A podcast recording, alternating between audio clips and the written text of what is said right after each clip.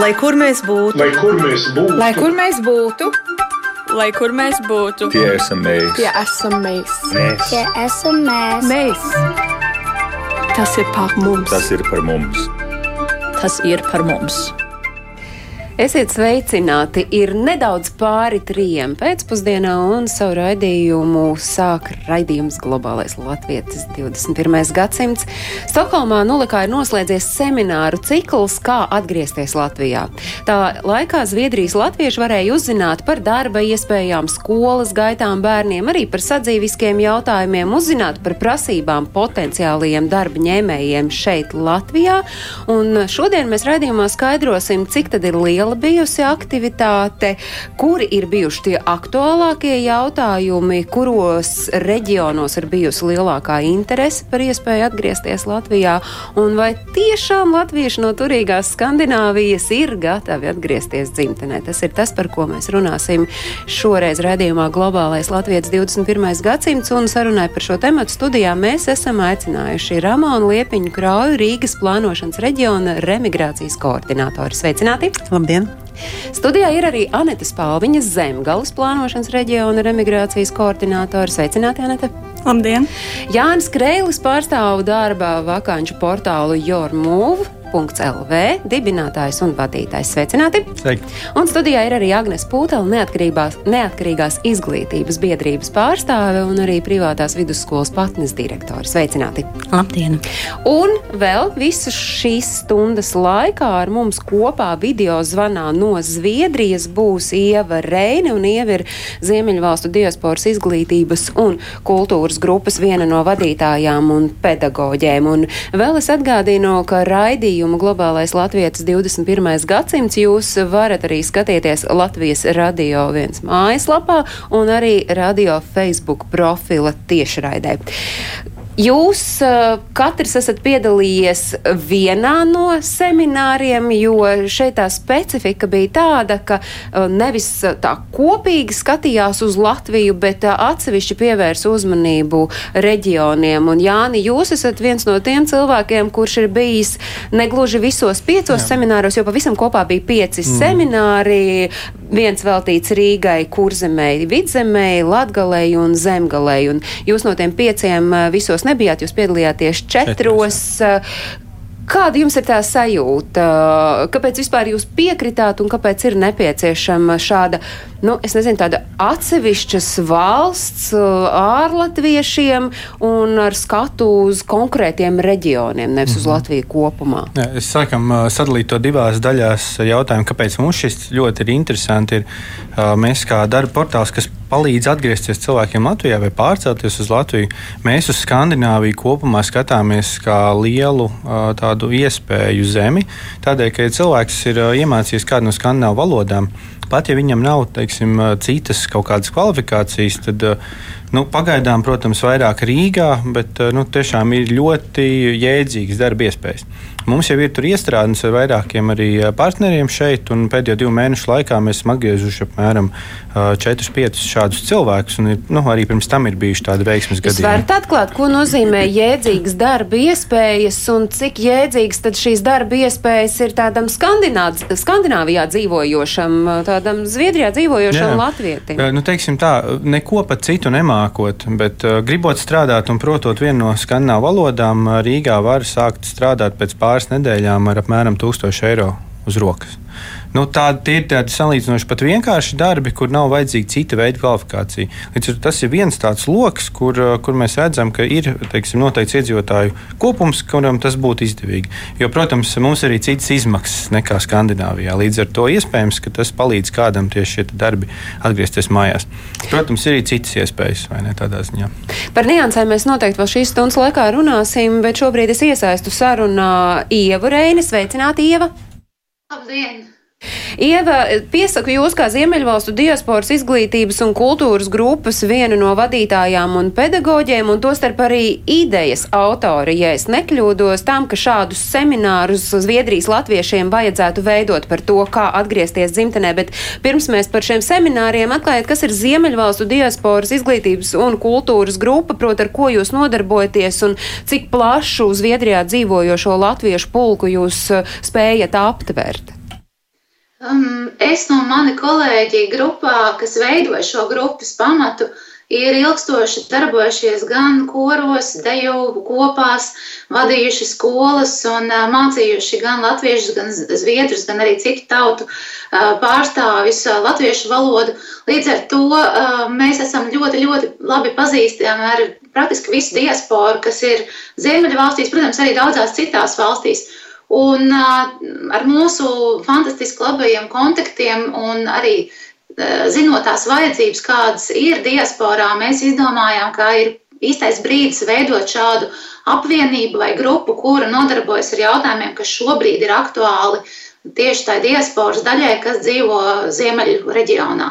Nu, un sakiet, cik aktuāls tad Skandināvijā dzīvojošajiem, ja mēs tomēr fokusējamies uz Zviedriju, ir šis jautājums, kā atgriezties Latvijā? tas ir aktuāls un tāpēc jūs šos seminārus veidojāt? Patiesībā sakot, šobrīd es varbūt uh, noformulētu šo jautājumu mazliet savādāk, jo mēs esam semināru laikā arī redzējuši, ka nav tikai tie cilvēki, kuri grib atgriezties, kuri ir aizbraukuši, bet arī kuru senči ir aizbraukuši. Un tā ir mūsu tā saucamā trimdas daļa, kurai ir ļoti liela interese par to, kādas ir darba iespējas Latvijā Un šie ir tie cilvēki, kuri ir ar dažāda veida izglītību, un tā var būt varbūt mīlestība, vai tas ir vienkārši piedzīvojumi, piedzīvojumi kāre, vai ir sentiments atgriezties Latvijā, kaut vai varbūt viņi nekad nav ilgstoši dzīvojuši. Tad kā jūs realizējāt šo semināru ciklu un kāpēc jūs nolēmāt tieši fokusēties uz konkrētiem reģioniem? Nu, es varētu teikt, ka mūsu sadarbības partneri ar Pasaules pieredzi Latvijā, ar MUVU un arī Remigrācijas reģionālajā koordinātori, tāpat arī um, privāta skola patnis un neatkarīgā izglītības biedrība ir mūsu kontakti jau ļoti ilgus gadus. Mēs esam jau diezgan ilgi lolojuši dažādu veidu idejas par sadarbību. Uh, Un šobrīd uh, ir tas īstais laiks mums visiem apvienoties un mēģināt arī dot kādu ieguldījumu, lai uh, tos cilvēkus, kas varbūt nav izteikuši, bet ir apdomājuši vēlmi atgriezties Latvijā uz dzīvi vai darbu, vai vismaz ar kaut vai ar vienu kāju, kā mēs sakām, uzrunāt un dot viņiem arī iespējas uzzināt kaut ko vairāk, mazliet Ehm, bez pretenzijām, bez eh, prasībām pret viņiem, mazliet vairāk dodot iespēju paklausīties, izvērtēt, saskatīt savu vietu, vai viņi varētu sevi redzēt kā Latvijas sabiedrības pilnvērtīgu daļu. Tieši kā tad semināri notika? Bija cilvēki, kuri Zviedrijā, Stokholmā, precīzāk Latvijas vēstniecībā fiziski atnāca, un tad jūs saslēdzāties eh, video zvanos, video konferencēs arī ar cilvēkiem, kuri fiziski neatradās tur. Tā tas notika? Jā, nu, tā pamata ideja bija tāda, ka principā varēja pieslēgties semināriem, jebkurš interesants, un mēs varam arī uh, um, atklāt, ka ne tikai Ziemeļu valstu cilvēki bija interesēti no, noklausīties, noskatīties seminārus, bet mums bija arī no Austrālijas, no Kanādas, no Spānijas, no daudzām citām valstīm. Bija arī uh, Eiropas pārstāvji, kur, kur ir ļoti liels skaits uh, Latvijas uh, cilvēku, piemēram, īrija. Un vēstniecība bija vienkārši tāda jauka vieta, kurā mēs varējām sanākt, jo Latvijas vēstniecība Zviedrijā ir vienmēr ļoti pretim nākoši dažādām diasporas aktivitātēm. Un mums bija atvēlēta ārkārtīgi jauka telpa, kurā mēs varējām atnākt un veidot tiešraides. Un varētu teikt, ka tie cilvēki, kas atnāca, bija vairāk tādi, kuriem fiziski bija iespējams atnākt. Jo lielākā daļa, tie vairāki simti katru reizi, kas mūs noskatījās, tomēr atradās ļoti, ļoti tālu no Stokholmas. Cik bija to cilvēku, kuri tad uz vietas atnāca un piedalījās? Tas bija dažādi, jo tā interese par Rīgu, protams, bija lielāka. Jā, jo Rīga tomēr ir tas centrs, kur darba un uh, dažādu veidu iespējas ir neapšaubāmi plašākas. Mums pēdējais seminārs arī pulcēja vairākus cilvēkus. Vienu semināru mēs noturējām tikai attālināti, jo tā, tā, tā fiziskā cilvēka klātbūtne nav tik svarīga. Svarīgāks ir tas, kāds jautājums viņi uzdod un cik daudz cilvēku pēc tam atrod šos kontaktu um, cilvēkus vai personas, kuras piedalījās seminārā un zina, kā viņi izskatās un kādus jautājumus uzdot. Un šeit mēs konkrēti varam runāt gan par Jānu Krēlu, gan arī par mūsu remigrācijas koordinatoriem, ar kuriem tad ir konkrēti iespējams runāt par sev aktuāliem jautājumiem. Atklāsiet, kuram reģionam nebija neviens atnācis klātienē. Nu, mums Latvijā droši vien tāda patālāka vieta ir, bet tas nenozīmē, ka interesi par Latviju būtu mazāka. Labi, paldies, Ieva, paliek uh, uz sakariem, turpina klausīties mūsu sarunu, un tad uh, klātesošajiem ir šis jautājums. Kā jūs sajūtāt katrs tai savā uh, seminārā, cik svarīgi tas bija arī iespējams netam Skandināvijā dzīvojošiem ārlatvietim, ka viņam ir iespēja uzdot konkrētus jautājumus, kas ir saistīti ar tieši to konkrēto reģionu? Nu, es skatos uz Ramonu. Jūs esat Rīgas plānošanas reģiona remigrācijas koordinātori, un kā jau Ieva arī minēja, tad Rīgai nu, tā uzmanība bija pievērsta vislielākā. Un, jā, labdien, Ieva! Un jāsaka, ka uh, Rīgas uh, reģionam bija pirmais seminārs, un būtībā es gāju uz nezinu ko bet es paļāvos uz to, ka viss notiks. Un, un, jo runājam jau par, par lietām, kas, kas ir saprotamas un saprotamā valodā. Un jāsaka, ka man par lielu pārsteigumu bija uh, sanākuši kādi 11 cilvēki uz vietas, un bija ļoti jauka atmosfēra. Vienīgais, kas, kas trūkums bija, tas bija internets signāls, kurš brīžiem pazuda. Bet tas arī bija jautri, jo tad mums bija mazliet brīva laika atkal savā starpā pakomunicēt. Un jāsaka par tiem jautājumiem, kas tika uzdot, man, man par lielu pārsteigumu. Likās, ka Zviedrija ir nu, viena soļa attālumā no, no Latvijas, ja nu, cik tur pār, pāri otrā krastā. Uh, tādiem jautājumiem īsti par remigrāciju īsti man liekas, ka nav vietas, jo, jo tie, kas ir izvēlējušies tur dzīvot, tie dzīvo, un, un viņi zina, ka Latvija tepat netālu ir, un, un tie, kas Uh, ir, ir liela daļa cilvēku, kuri braukā uh, teiksim, darba dienas. Viņi ir Zviedrijā un brīvdienas viņi ir Latvijā. Un, un tas nav noslēpums, ka tādu cilvēku ir diezgan daudz. Tāpēc man liekas, ka īsti nav mērķa auditorijas pareizās, bet, bet esot uz vietas, esot uz vietas man, man par lielu pārsteigumu bija tādi ļoti, um, ļoti mērķiecīgi jautājumi un ļoti tādi dziļi jautājumi. Nu, par, piemēram, jūs varat ieskicēt dažus par no pensiju, par pensiju pārcelšanu, kād, kādas ir šīs iespējas un vai Latvijā viņi saņems Zviedrijā nopelnīto pensiju Par izglītības jautājumiem tas jau tas ir visos, visos, visās sarunās vairāk vai mazāk tiek aiz, aiz, aizskats šis jautājums. Tā kā, tā kā man šī tikšanās bija ļoti vērtīga. Jo mēs tikāmies gan, gan tiešraidē, gan arī mums bija neoficiāla tikšanās uh, ar latviešiem, kas tur dzīvo uz vietas. Vienu vakaru pasēdējām dārzā un parunājām jautājumus. Un, un, uh, jā, cilvēkiem ir interese un, un, un, un viņi domā par braukšanu mājās.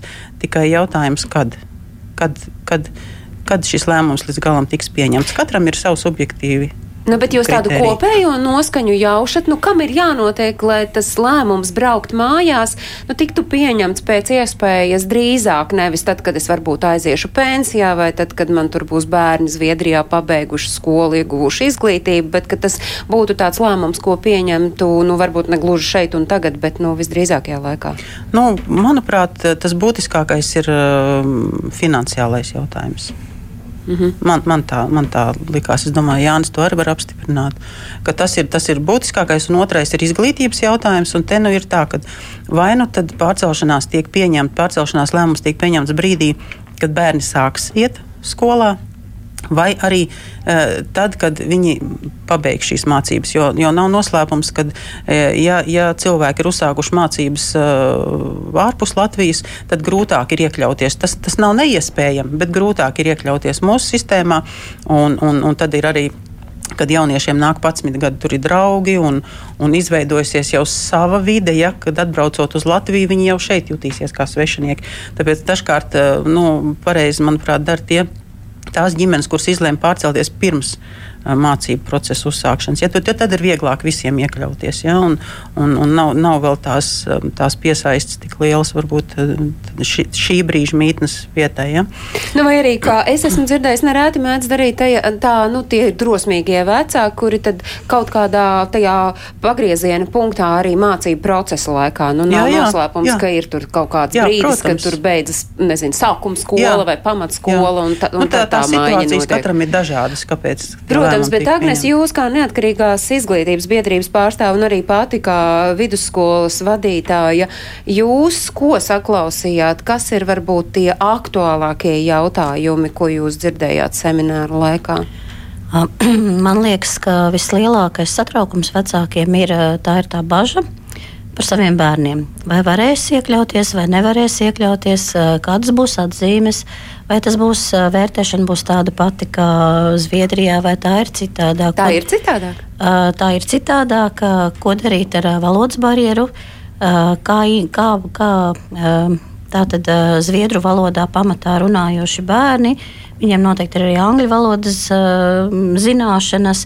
Un uh, latviešu valodas zināšanu līmenis ir ļoti dažāds. Un vai šī valodas barjera netraucēs apgūt uh, visu citu priekšmetu, saturu, tātad valsts valodā, kā pie mums notiek latviešu valodā, tā ir tā lielākā bažas. Uh, Uh, Ko jūs atbildējāt? Nu, kā jūs varējāt vai nu mierināt, vai nu vēl vairāk nobiedēt? Kas, kāda bija tā jūsu taktika? Kā jūs atbildējāt uz šiem nu, jautājumiem? Nu, konkrēti, mans uzdevums un arī tā mana sajūta par to ir tāda, ka ir vecākiem jāsniedz iedrošinājums par to. Skaidrs, ka skolas ir dažādas un uh, dažādos reģionos dažādi pret to attiecas. Un arī tieši, dažāda ir tā pieredze jā, ar tiem, tā. kuri jau ir atgriezušies. Tieši tā, un uh, bieži vien uh, no uh, lauku skolām izskan tāds uh, viedoklis, ka skolotājiem uh, ir bail, jo viņi nezina, kā. Varbūt arī šīs valodas zināšanas, ko varētu ņemt palīdzīgā, piemēram, angļu valoda, nav tik labā līmenī. Bet savukārt, dzirdot šos veiksmes stāstus un labās pieredzes stāstus, ar kuriem arī es dalījos, jo patnim ir liela pieredze šādu bērnu integrēšanā, un arī ar Ievas pieminēto mūsu ilgstošo sadarbību mēs esam arī patnī uzņēmuši 11 zviedru diasporas latviešu bērnus ar ļoti dažādu latviešu valodas sagatavotību, rādot, tātad ļaujot piedalīties mācību procesā, rādot viņiem pašiem un arī vecākiem to, ka tas ir iespējams. Daudz ko nosaka privāta iniciatīva, ne tikai privāta skolas iniciatīva, bet uh, privāta iniciatīva arī uh, kā skolotāja privāta iniciatīva, jo šobrīd valsts apmaksā dažas stundas papildus latviešu valodai ar emigrējušo ģimeņu bērniem. Bet tas nav pietiekams. No, skaits. to nav gana. Jā, protams. to nav gana. Un šeit es gribēju teikt, ka tie skolotāji, kas pēc savas būtības ir skolotāji, kam rūp, tie strādā, protams, vairāk un strādās arī uh, pēc stundām un starpbrīžos un sniegs to atbalstu un, un, un, un dos. Jo ik viena skolotāja sirdī laba skolotāja vēlme ir, lai bērns pēc iespējas labāk iekļautos un pēc iespējas ātrāk. Galvenais, lai tas skolotājs nepārdeg, tad, kad viņš arī tā dara. Te ir arī jautājums, cik daudz jūs jūtat, nu, ka reģionu skolas, nu, piemēram, vēršas pie jums, zinot, ka jums ir pieredze pēc padoma. Šobrīd netik ļoti. Tas droši vien būtu plašāk jārunā un plašāk jāstāsta. Es domāju, ka kopā ar Ievu šis ir arī viens no tālākiem attīstības ceļiem. Kā, kā stāstīt un kā iedrošināt, apzinot šos reģionus, stāstot par labās prakses piemēriem, uh, Nu, reģioni ir apzināti, kā zemgalē veicās, cik liela jūs jutāt to aktivitāti, interesei par zemgali un kuri tad varbūt jums bija tie jautājumi, uz kuriem nāk, kurus jūs sadzirdējāt, kurus uzdeva saistībā par zemgali? Tā tad uh, bija uz vietas uh, ģimene no vecumniekiem, bet uh, tā interese bija tieši par uzņēmējdarbību, par uzņēmējdarbības uzsākšanu, par e-parakstiem un arī par uh, uzņēmuma šo reģistrāciju un finansējumu veidiem. Tad kādi vispār ir pieejami un kurš tos var dabūt. Un tad, jā, tad mēs arī pārunājām šos emigrācijas grāmatu rezultātus, un tad uh, Jānis arī konsultēja, sniedza atbildes par šiem finansējumiem. Jā, ne tad jums daudz nācās atbildēt uz jautājumiem. Mutes ausa bija izrunāta semināra laikā. Es teiktu, kā kurā, jā, nu, laikam jau ir arī tas, ka Rīga bija pirmā un Zemgala bija pēdējā. Varbūt arī tas kaut ko ietekmēja. Bet, jā, Rīgā bija, te, kad es biju arī klātienē, bija diezgan spraiga tā diskusija par, nu, var jau saprast, cilvēki gan ir gatavi ieklausīties, gan arī dalās ar savu skepsi, un tad arī tu vari komentēt, cik daudz no tā, kas, teiksim, nu, tādiem mītiem ir tā patiesība, vai kur tiešām ir mazliet jāuzmanās, kam vieglāk, kam grūtāk ir atgriezties. Tā kā, jā, es teiktu, ka tas bija diezgan dzīves pasākums. Es uh, vēlreiz pievienošu mūsu sarunai, došu vārdu Ievai Reinai. Ieva šobrīd uh, ir kopā ar mums video zvanā no Zviedrijas, no Stokholmas. Un, Ieva, vai jūs jautāt to uh, jautājumu amplitūdu? Vai atšķirību starp dažādiem reģioniem? Patiesību sakot, reģioni neatšķīrās lielā mērā no tā, kāda vispārējā jautājuma bija. Protams, ka ļoti liela loma ir jo ar mūvu piedāvātajiem darbiem, jo tie var būt īpaši saistoši atsevišķiem cilvēkiem, bet kopumā ņemot, tomēr tie jautājumi ir diezgan vispārīgi. Un, lai arī mēs tomēr novērojām, ka mūsu interesantu segments nav vienveidīgs. Tie bija gan jauni cilvēki, kur vēlas iegūt praksi, gan tie, kas ir guvuši pieredzi un vēlas atgriezties ar savām zināšanām. Varbūt tās ir ģimenes vajadzības, kur viņi grib būt atkal tuvāk pie saviem mīļajiem, vai arī tā ir trimda, kurā tomēr saskat savu potenciālu, kur varētu ieguldīt atkal Latvijā ar pavisam jaunu vērienu un dvašu. Mani interesē arī tas finansiālais aspekts, jo skaidrs, ka tas uh, droši vien kaut ko arī maksā. Kas un kā finansē šo projektu un cik tas ir izmaksājis, un tad varbūt arī uzreiz ir jāskatās nu, pret tām izmaksām uh, kaut kādu to atdevi. Jūs domājat paša projekta finansējumu par remigrācijas jautājumiem. Mūs ir atbalstījis Sabiedrības integrācijas fonds no valsts budžeta līdzekļiem, un tas ir kultūras ministrijas pārziņā. Uh, Un, līdz ar to mēs esam varējuši nodrošināt mūsu sadarbības partneru klātbūtni un iesaisti semināros. Un, protams, ka tas ir nenovērtējami, ka šis laiks ir bijis atlicināts, jo sākotnējā sadarbība mums iesākās ar Valsts aizsardzības un reģionālās attīstības ministrijas kolēģiem, kuri mūs iedrošināja šo projektu uzrakstīt. Līdz ar to arī mēs, protams, no saviem līdzekļiem, kas ir vairāk individu līdzekļi, nebūtu varējuši šo projektu nekādā veidā uzsākt un arī paveikt tādā mērogā, kā tas ir noticis šobrīd. Nu, bet sakiet, kā varēs izmērīt un izsvērt, cik liederīgi vai cik jēgā ir bijuši, šī, bijuši šie semināri? Nu, tagad mēs varam skatīties, cik daudz cilvēku atgriezīsies pie mūsu reģionālajiem rehabilitācijas koordinatoriem. Es ceru, ka mēs dabūsim atgriezenisko saiti, jo mums ir gan pašiem tieši kontakts ar šiem cilvēkiem, kuriem joprojām interesē dažādi jautājumi, kuri turpina nākt pie mūsu biedrības pārstāvjiem un jautāt. Gan arī es domāju, ka reģionālajie remigrācijas koordinatori dabūs diezgan pasvīst tuvākajā laikā, jo kaut kas ir sakustējies, un mēs redzam, ka tā grupa cilvēku, uz ko varbūt Latvijas valsts vairāk orientējas, ka tie ir tie cilvēki, kur izbraukuši pēdējos, piemēram, 10, 15 gados, ka tie ir tie, ar kuriem vajadzētu strādāt vairāk, ka tomēr tā populācija ir daudz, daudz dažādāka un arī vecuma ziņā ar ļoti, ļoti plašu spektru.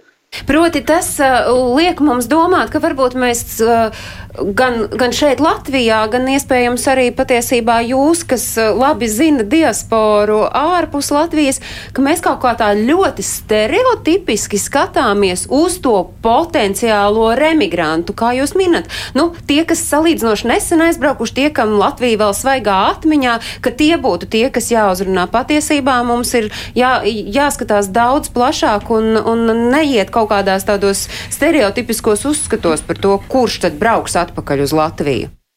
Es varu pilnībā jums piekrist, jo patiešām mums ir arī jaunieši, kuri ir dzimuši ārvalstīs, kuriem ir ļoti liela interese par studijām un darba iespējām Latvijā. Tāpat arī cilvēki, kuriem tuvojas pensijas gadu, un tie nav tikai tie, kuri ir izbraukuši no Latvijas. Bet pavisam Precīzi informāciju mēs varēsim drīz sniegt arī no Latvijas Universitātes pētnieku grupas, jo daudziem nav paslīdējis noteikti garām fakts, ka šobrīd aktīvi notiek Latvijas Universitātes Filozofijas un Socioloģijas institūta veidotā aptauja par remigrācijas jautājumiem. Un šeit mēs uzrunājam gan tos cilvēkus, kas ir dzimuši ārvalstīs, kuri ir atgriezušies un kuri varbūt tikai apsver domu atgriezties. Latvijā. Tas eh, nu, pētījums, kas noslēgsies 31. oktobrī, ārkārtīgi daudz ko dos mūsu zināšanās par to, kas tad ir tie cilvēki, kuri varbūt Ja ne pēc trīs mēnešiem, ja ne pēc eh, pusgada, bet varbūt piecu gadu laikā, tomēr apsver iespēju, ka būtu iespējams atgriezties Latvijā. Un tur nu būs darbs jau ar mūvu un visiem pārējiem sadarbības partneriem, lai šos cilvēkus saņemtu pretī ar atpastām rokām. Nu, proti, lai mums būtu tādi ceļa rādītāji, ceļa zīmes, kā tieši mudināt to cilvēku atgriezties, tā kā, ja tā drīkst ļoti novienkāršotā valodā teikt, lai spiestu uz īstajām pogām, lai, nu, varbūt lieki netērētu laiku un enerģiju un uh, nemēģinātu atgriezt vai, vai uh, mudināt atgriezties ar kaut kādiem ne tiem īstajiem vilinājumiem. Vissvarīgākā ir informācija. Ja cilvēki zina, kā notiek dažāda veida birokrātiskās teiksim, no lietas, ja ir iespējams sakārtot likumdošanu, kas joprojām tiek Eh, varbūt diasporas eh, virzienā tikai uzlabota. Ja tās lietas tiks vairāk sakārtotas, tad arī cilvēki daudz vieglāk spēs atgriezties. Jo mēs tomēr nerunājam tik daudz par eh, šo finansiālo pusi, tomēr cik par praktiskiem šķēršļiem, kurus būtu jāatrisina vispirms. Par tiem praktiskajiem jautājumiem runājot, es saprotu, ka tas, kas viens izkristalizējās, un to es atkal vēršos pie studijas viesiem, bet Ieva joprojām paliek saziņā ar mums, par tiem, nu, ka tas lielākais, kas jaušams, ir neziņa. Nu, ka tu īsti nezini, kam pajautāt. Tāpēc šim semināram ir tāda liela nozīme, ka tu vismaz nezini, uzzini, ka ir šāds remigrācijas koordinators, par ko iespējams nenojaut pirms semināra. Varētu tā būt. Tā varētu būt. Un eh, es jau pašā sākumā, tik, tikko mēs sākām strādāt, es sapratu, ka šim postenim ir neatkarīgi no tā, vai, vai telefona galā ir Ramona vai Jānis vai vienalga, kurš atbild, bet šim, šim, um, šim postenim ir jābūt. Jo cilvēki nepieņem lēmumu atgriezties vienā mirklī. Tas ir ilgstošs laiks. Un ja mēs zinām, ka šī kustība ir tagad nepārtraukta un kad robežas ir vaļā, cilvēki ceļo vienmēr. Un uh, vienmēr būs arī tādi, kas gribēs atgriezties. Ne visiem varbūt ir jāatgriežas, ja, bet, bet, uh, bet šai kustībai ir jābūt apusējai. Un uh, mūsu cilvēkiem, kas aizbrauc, vienmēr ir jāzina, ka viņi vienmēr var atgriezties atpakaļ. Ja. Un Tī... ir labi, ja viņš ir aizbraucis tur pusgadu, gadu atpakaļ. Ja, nu, viņš tāpat zina, kur ir sociālais dienests, mm. viņš zina, kur ir skola un, un, un, un ģimenes ārsts un, un visas pārējās lietas. Bet tie cilvēki, kas ir pabijuši 10, 15 gadus, vai varbūt pat piedzimuši tur? Piedzimuši, jā. Un, un man viena meitene atgriežas šobrīd atpakaļ ar diviem bērniem, un viņa saka, es aizbraucu prom, man bija 15 gadu. Viņa saka, un šobrīd man ir 27, un es braucu ar diviem bērniem. Viņa Viņai ir jāmācās dzīvot no jauna. Es principā, nezinu, ne? kā pieteikt bērnu skolā, kurā skolā. Viņa saka, es zinu, es mācījos tādā un tādā, bet vai es tur varēšu? Ja? Un, un tā, un tad ir jāizskaidro, kādi ir šie skolā iestāšanās noteikumi un, un viss pārējais. Nu, kā es saku, jāmācās dzīvot no jauna. Jā, šeit jau ir tas, ka teiksim, mums kolēģi Lietuvā jau pieci gadi veiksmīgi īstenībā attīst ļoti mm -hmm. līdzīgu programmu, un te ir tas būtiskākais.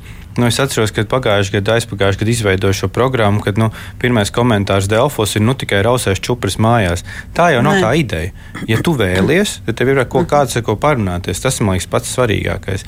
Spiest pa pogām, raut, mēģināt vilkt. Tas nav tas, ar, ko... visi, kur, ar kuriem jā, jā, mēs šeit tas esam tikušies. Saka, ka tas nav vajadzīgs. Jā. Tam arī nebūs nekādas jēgas. Jā, un, kā... un tas, kurš būs atvilkts un atbraucis, viņš ātri arī aizbrauks projām. Tā, cilvēks jau nevar, liksies, mēs... jā, viņš jau nevar muļķot tādā ziņā ir jāsaka, kā ir, ja tu esi interesēts. Bet kas ir jāsaprot tiem, kas saka, nu, kurš tad brauks, ir ļoti daudz to braucēju šobrīd. Tā ir vesela plūsma.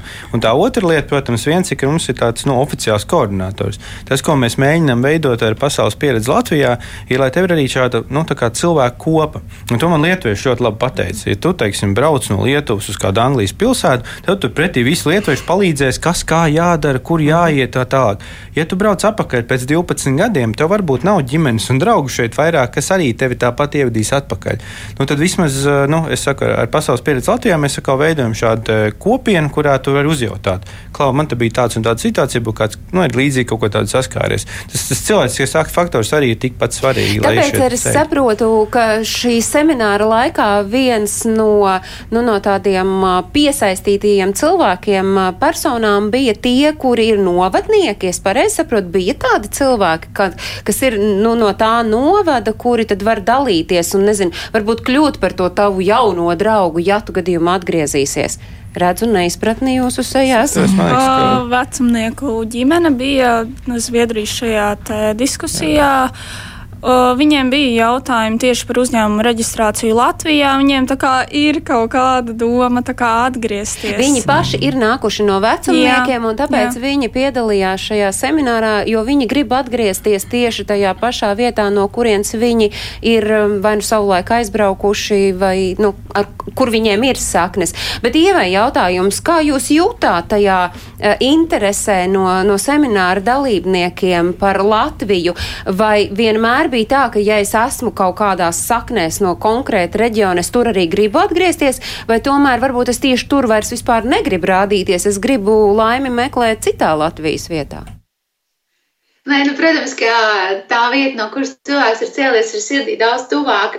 Bet tajā pat laikā mēs arī dzirdējām no vairākiem mūsu dalībniekiem, ka viņiem ir diezgan atvērts skatījums uz to, kur viņi varētu iemēģināt darba gaitas, un īpaši tas attiecas uz jaunākiem cilvēkiem kuri teica, es varētu tur un varētu arī vēl kaut kur. Galvenais, lai man būtu interesanti, lai es gūtu pieredzi, lai es varētu pielietot savus zināšanas.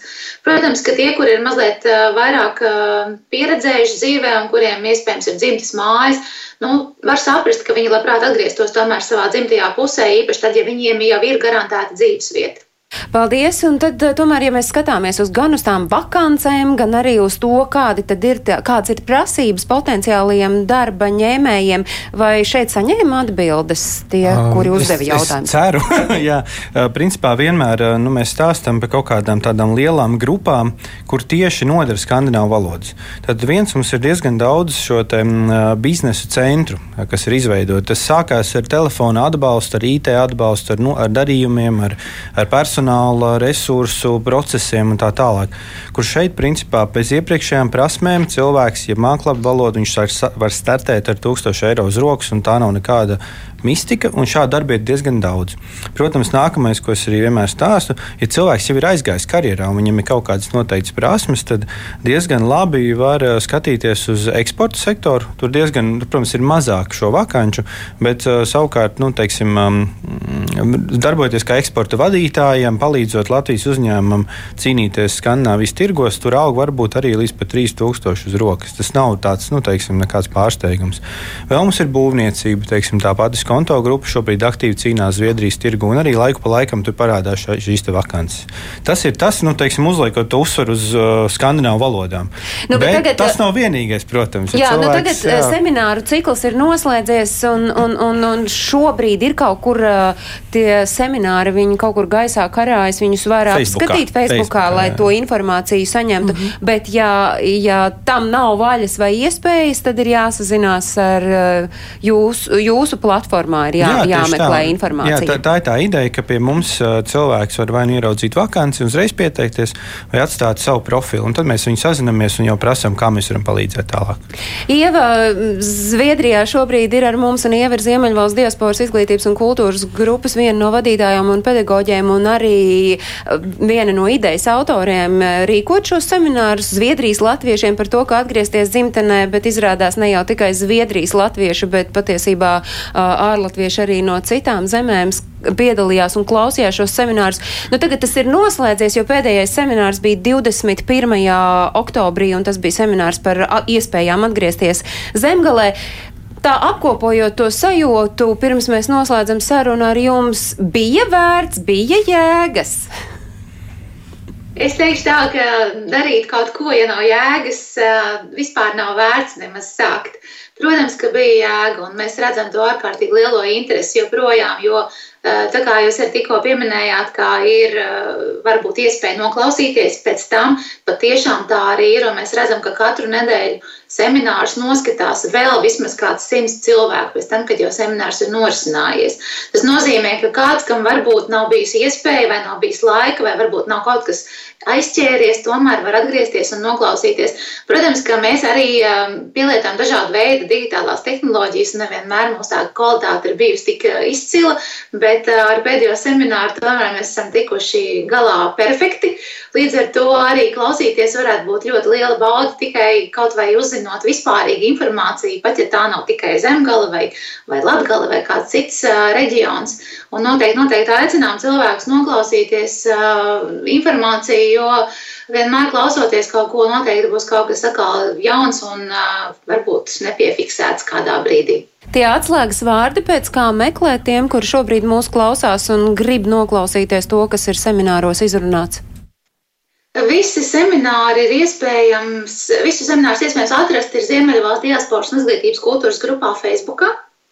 Ja ir kāda konkrēta vajadzība noklausīties ārpus šīs platformas, ir iespējams arī rakstīt mums uz Ziemeļvalstu biedrību un jautāt arī saites, lai varētu klausīties.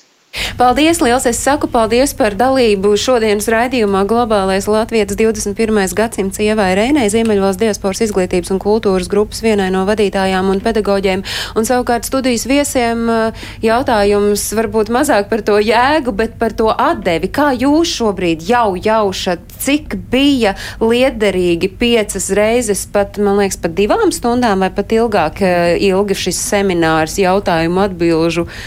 Sesijas. Jūs jūtat, kā Ieva teica, ka nu, tagad jums būs jāpasvīst, kā es, remigrācijas koordinātoriem? Es vairāk to redzu tādu ilgtermiņa ieguldījumu. Kā jau es iepriekš minēju, kad cilvēki nepieņem šo lēmumu vienā, vienā sekundē. Tas ir, tas ir ilgstošs process. Un, uh, ja viņam šī informācija jau ir bijusi, tas jau ir bonusiņš. Ja viņš zina, kur griezties uh, ar jautājumiem, ir jau bonusiņš. Ja viņš zina, kad ir jormūva lapa, viņš jau, ja sākumā varēja tikai darbus skatīties, tagad viņš var atstāt savu, savu profilu un jūs palīdzat. Ja? Tā kā tas, tas jau ir klāt. Ja? Un, un tie plusiņi klājās, krājās, krājās, un tad jau tas lēmums pats no sevis nāk. Man to gribas saukt par tādu pilināšanas metodi. Jā, mēs tā pilinām, jā. pilinām, pilinām, pilinām. mēs jau ar bieži vien jaunu, jaunu zābaku pāri nenopērkam uzreiz. Mēs, mēs novriestam. Trīs dienas staigājam, tas, ja tas zābaku pāris nelaiž mūs vaļā, tad mēs nopērkam. Anete, jūs jūtat, nu, ka tam ir, jums visīsākais laika sprīdis ir pagājis kopš semināra, bet vai jūs redzat un jūtat, ka tam bija nozīmes tajā atgriezīsies vai neatgriezīsies? Es uzskatu, ka informācijas apmaiņa ir notikusi, un tas jau ir pozitīvi. Interese bija tieši arī par latviešu valodas apguvi, kā to var izdarīt. Un tad, jā, tā galvenā doma ir, protams, arī sazināties ar šo latviešu valodas aģentūru. Un es uzskatu, ka uh, šādas diskusijas ir vajadzīgas, jo tomēr šādā veidā varbūt cilvēki arī Facebookā uzzina šo informāciju. Tie, kas vispār neko nav zinājuši par remigrāciju, vispār kas ir remigrācijas koordinators vai arī kas ir jau ar mūvu, un tādā veidā viņi arī noskaidro šos neskaidros jautājumus, jo tur bija arī komentāri tiešsaistē, un uh, viņi arī uzdeva kaut kādus jautājumus. Es domāju, ka tie, kur skatās mūsu raidījumu, jums, um, vai arī tie, kuri uh, klausās, bet neskatās, uh, jums ir jāpaskatās šobrīd uz Ramonu un Aneti, jo tie ir tie cilvēki, un arī patiesībā Jānis un Agnes, nu, kuri būs tie jūsu ceļa rādītāji, ja jūs gadījumā kaut vismazākā niecīgākā doma iezaksies prātā par iespējamo atgriešanos Latvijā. Jūs, uh, Agnes Jānī, redzat, tam bija jēgas, un, un, un vai tiešām mēs varam gaidīt, ka atgriezīsies? Varbūt kāds tieši pateicoties šim semināram. Es domāju, kolēģi jau arī teica, komunikācija notiek, un tas ir svarīgākais. Arī kolēģi minēja par informācijas pieejamību, kas nebija, un tagad ir noteikti. Nu, mums arī mēs vienmēr skatāmies visu, ko mēs darām pēc kampaņas, tad parasti ir kaut kāda nu, vismaz vairāk mēnešu nobīde. Tā kā tagad ir tāds gaidīšanas laiks. Es zinu, mums ar pāris cilvēkiem bija ļoti laba saruna, jo par diezgan konkrētām teiksim, cilvēkiem var pārcelties nākamgad sākumā. Es ceru, ka tā būs. Jo redz, tā atdeve jau ir kāda. Ja cilvēks, kas teiksim, 1000 eiro var nopelnīt uz rokas, viņš kāda laikā nodokļos atstāja tīrajos nodokļos 8000 eiro valsts budžetā. Līdz ar to mēs domājam, ir, nu, ir, ir vērts ieguldīt naudu, ja pietiekam kaut nu, 5, 10 cilvēki atgriežas. Valstī tas nāks atpakaļ. Un mums, protams, ir daudz lielāka vērtība, ne jau tīri kaut kāda tur ir nu, IN, var teikt. Tā kā tad vērtēs. sarunājam, ka nākamā gada sākumā, ja gadījumā būs kāds, kurš atgriezīsies, nu tā reāli atbrauks un sāk šeit dzīvot, mēs viņu aicināsim šeit uz studiju, lai Būt mēs super. varētu redzēt, kāda tad ir bijusi tā atdeva. Bet tagad es vēl drusku netik tālā nākotnē skatoties, es gribu teikt, ka jums visiem ir jāatzīmē savos kalendāros 9. novembris, tā ir sestdiena, un apvelciet ar uh, lieliem uh, riņķiem apkārt pulksteni 12 un 15 pēc Latvijas laika, kad vienlaikus Latvijā un visā pasaulē piekto gadu pēc kārtas norisināsies pasaules diktāts latviešu valodā. Tekstu īpaši šim nolūkam radījusi rakstniece Nora Ikstena Rīgā gaismas pilī. To diktēs aktieris Vilis Daudziņš, bet klātienē to varēs rakstīt arī vairākās Latvijas pilsētās. Un šogad pirmo reizi diktāta vēsturē to translēs tiešajā ēterā Latvijas radio viens raidījumā Kultūras rondo, bet mēs zinām, ka šo diktātu raksta ne tikai Latvijā, bet arī cilvēki citviet pasaulē, un tieši saistībā ar šo notikumu mēs šobrīd esam sazinājušies ar Lea Liepiņu Valencijā, un Lea ir savs stāsts par diktātu rakstīšanu Spānijā, jo jau piekto gadu vispār mēs visi rakstīsim šo diktātu, un arī Spānijā pie Lea mājās sabrauc latvieši no visas Valencijas, lai vienkārši apsēstos un rakstītu diktātu latviešu valodā. Sveicināta Lējā! Labdien, Agnese! Pie mums sabrauc latvieši pat ne tikai no visas Valencijas, kas ir pilsēta, bet no visa Valencijas reģiona. Mums ir bijuši cilvēki, kas brauc pat no tādām tālām pilsētām kā Mursija un Kartahēna, kas brauc trīs stundas, lai tikai uzrakstītu diktātu, un pēc tam atkal brauc atpakaļ. Nu, un kāpēc? Atklājiet, es ticiet man, ja man skolas laikā, un es domāju, ka arī tiem cilvēkiem, ja viņiem skolas laikā kāds būtu teicis, ka tu kaut kad savā dzīvē brauks 300 km, lai rakstītu sacerējumu, viņi droši vien domātu, ka tas nu gan ir sajūtas prātā. Kāpēc jūs to darāt? Tas ir, kas, tas ir kaut kas savādāks. Tas ir nevis parastie gadsimta svētki, ko mēs svinam, vai, vai latviešu skoliņas nodarbības, kuru mēs sanākam kopā, bet tas ir kaut kas savādāks. Vairumam no mums ir bērni, kas, eh, un mums patiesībā ir svarīgi arī bērniem parādīt, ka diktāts tas ir, tas ir ļoti jauki, un ka arī pieaugušie to var rakstīt un rakstīt ar interesi. Cik pavisam kopā jūs bijāt pagājušajā gadā, un kā jums izskatās, cik to diktātu rakstītāju varētu būt šogad? Mēs esam pavisam neliels pulciņš. Vislielākā interese bija um, pirmajā gadā, kad mēs bijām apmēram desmit cilvēki, un tad ir um, Un tad ir tā, ka pagājušajā gadā mums tieši bija mazāk cilvēku, tāpēc, ka bija nesen notikušas vēlēšanas, un šeit arī bija vēlēšana iecirknis, un cilvēki vairs to garo ceļu nemēroja uz Valenciju otru reizi jau tik drīz.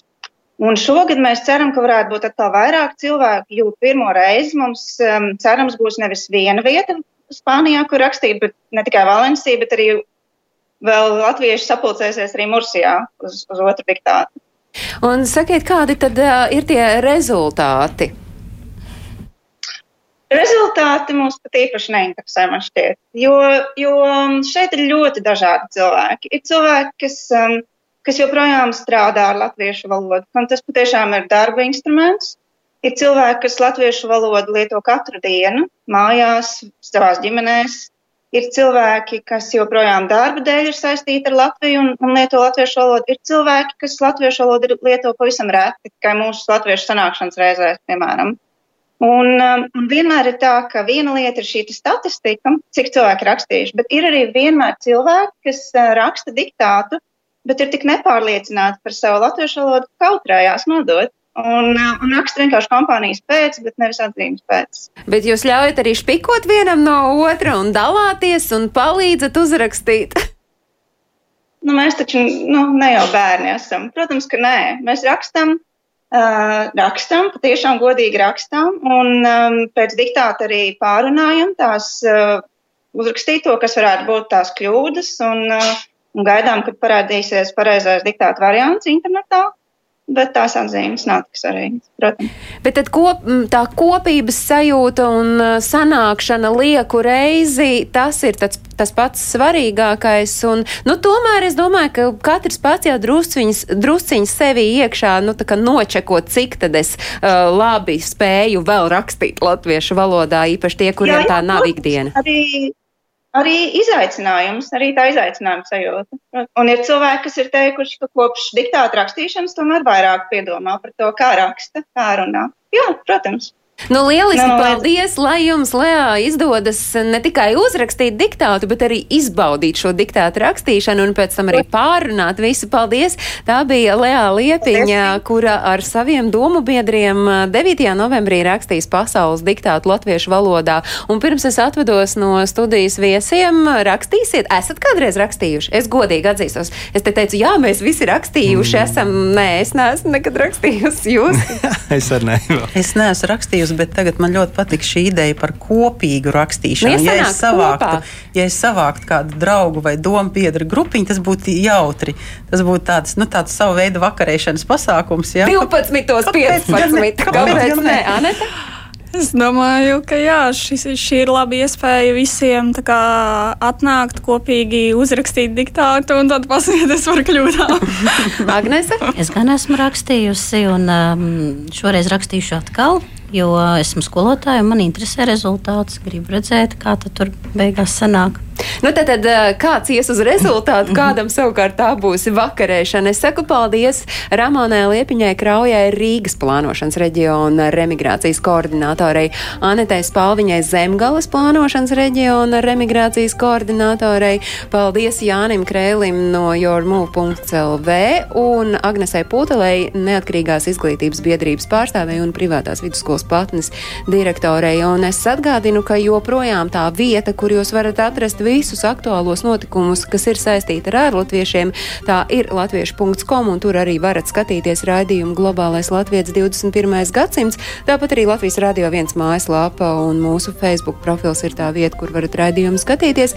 Atkārtojums skan katru svētdienu trijos un piecās, lai visiem ir jauka atlikusī dienas daļa, un paldies, ka jūs varējāt šai piekdienā un atkārtojumā svētdienā būt kopā ar Latvijas Radio viens klausītājiem. Paldies, paldies. Klaus! Paldies.